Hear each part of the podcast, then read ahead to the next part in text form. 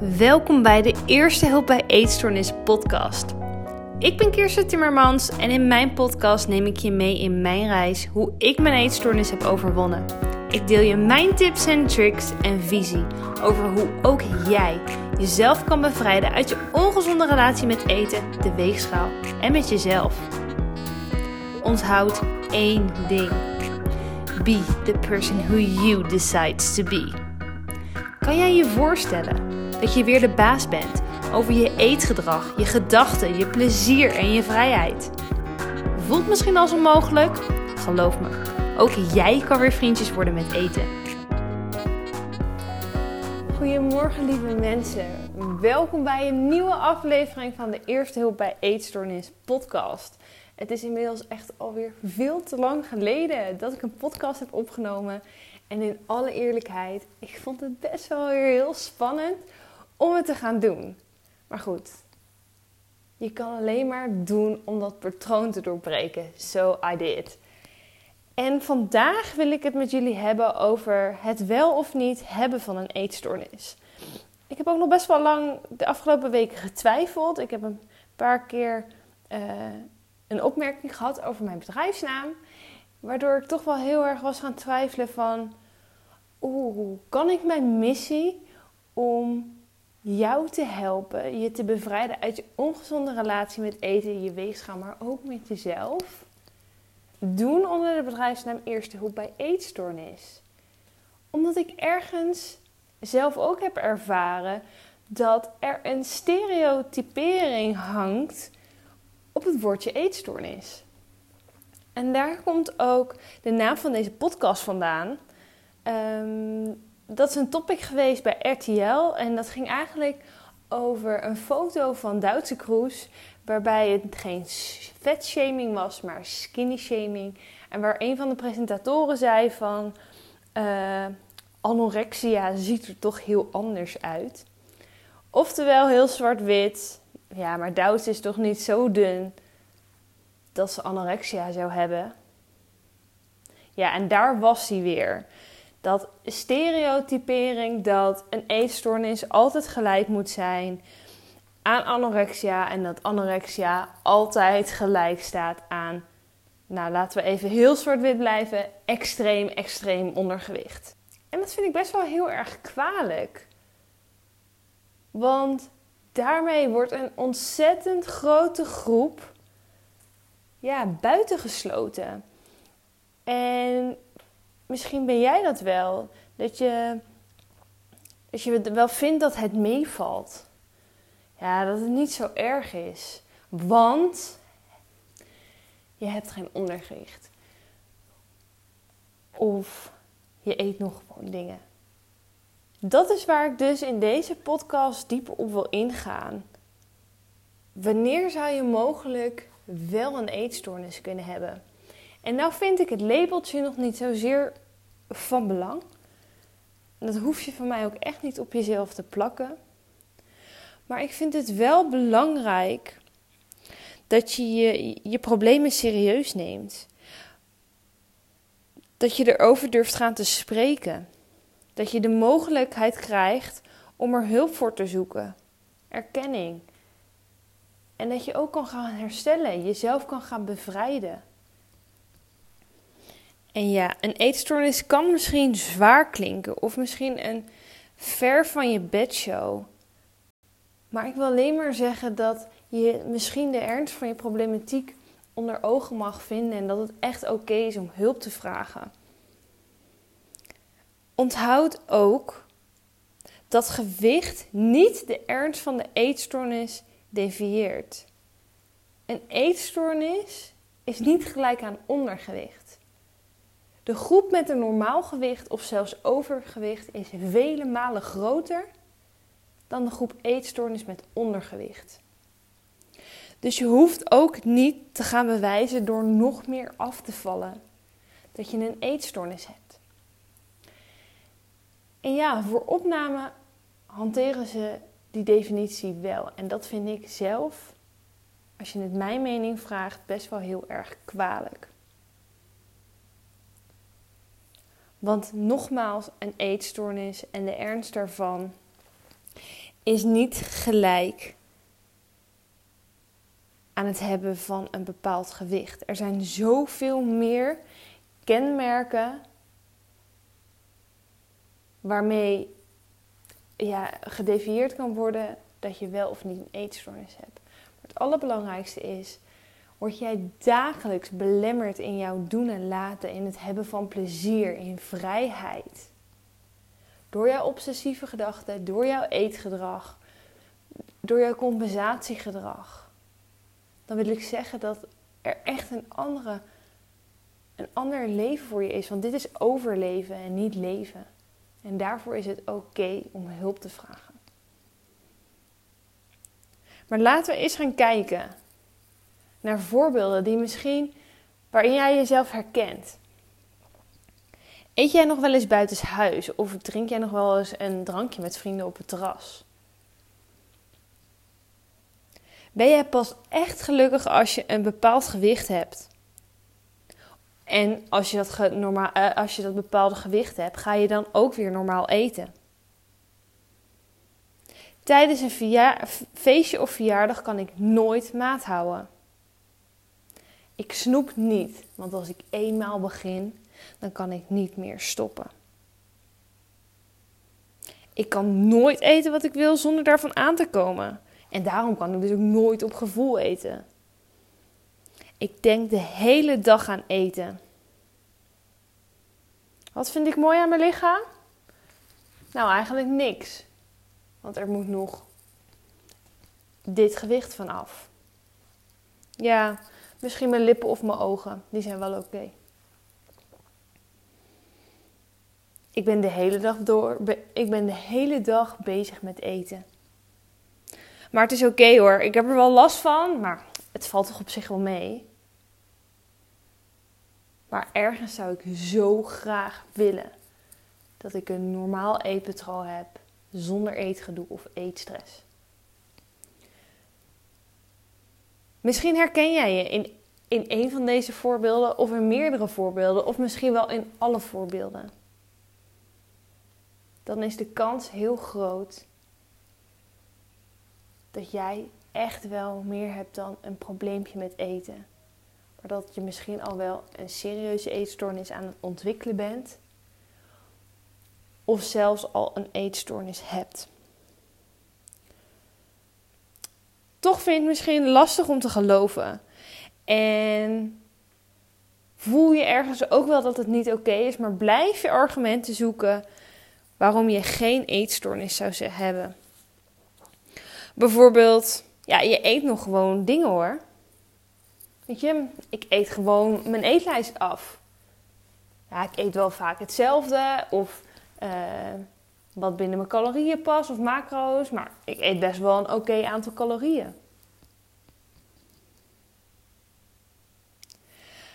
Maar ook dan kan je een eetstoornis hebben. Het is niet zo dat alle eetstoornispatiënten heel minimaal eten.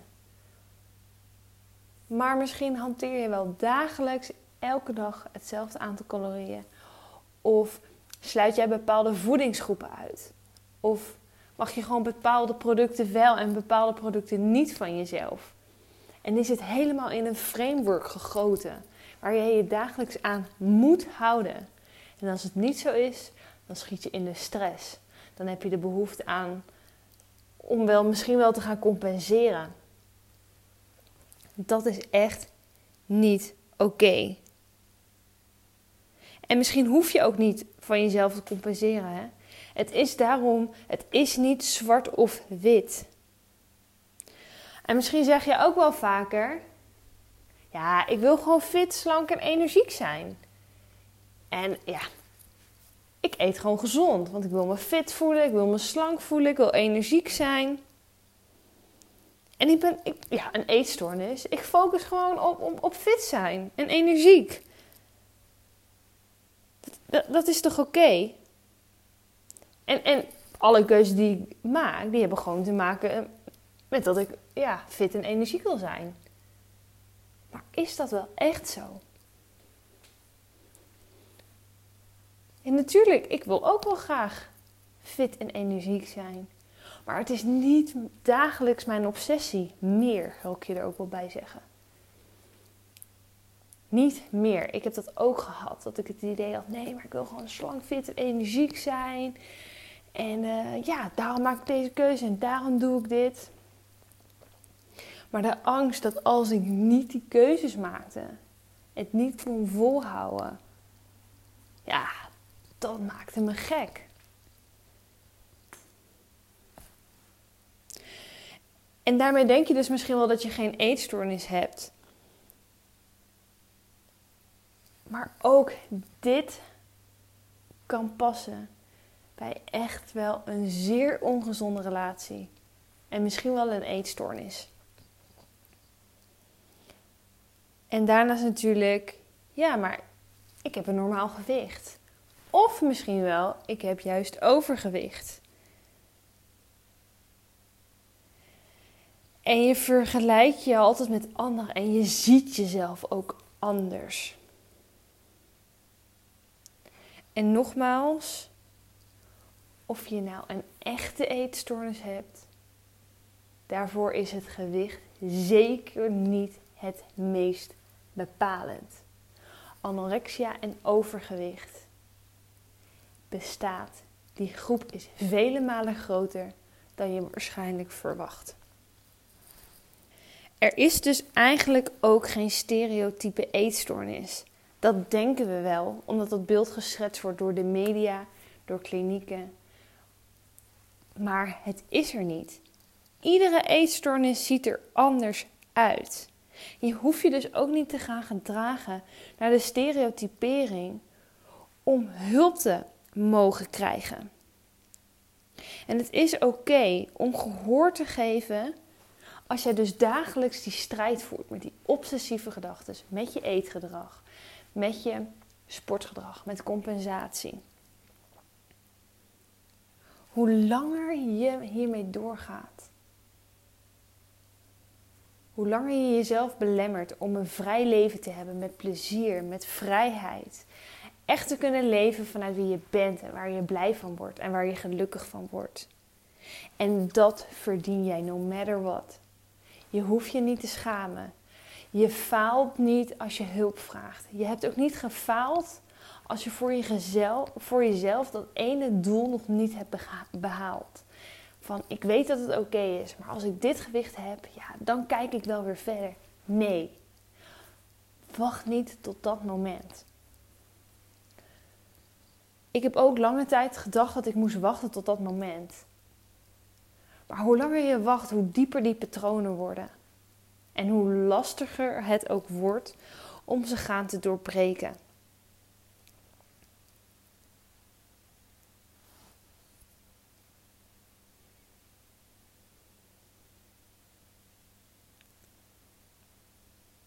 Dus misschien durf jij jezelf nog niet te zien als iemand met een eetstoornis omdat het beeld wat je erover gecreëerd hebt totaal niet matcht met, met hoe jij bent. Maar ik wil dan nogmaals benadrukken. Als jij je wel herkent in de obsessieve gedachten, het continu focussen op eten,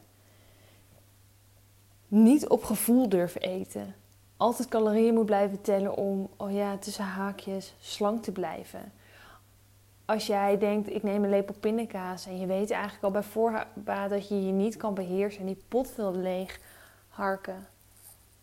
En nee, dan heb ik het niet over een lekker avondje op de bank lekker zitten en, af en een zak chips leeg of een reep chocola. Dat hoort erbij. Maar als je daar echt stress van krijgt en niet kan stoppen en super erg moet compenseren, dan is het oké om hulp te vragen. En vraag hulp bij iemand die je vertrouwt.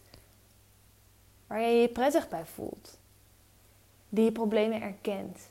En waarvan jij dus nogmaals het vertrouwen hebt dat jij die strijd kan omdraaien. Dat het niet meer een dagelijkse strijd wordt om in deze vicieuze cirkel te blijven, maar dat je de strijd aangaat om de baas te worden.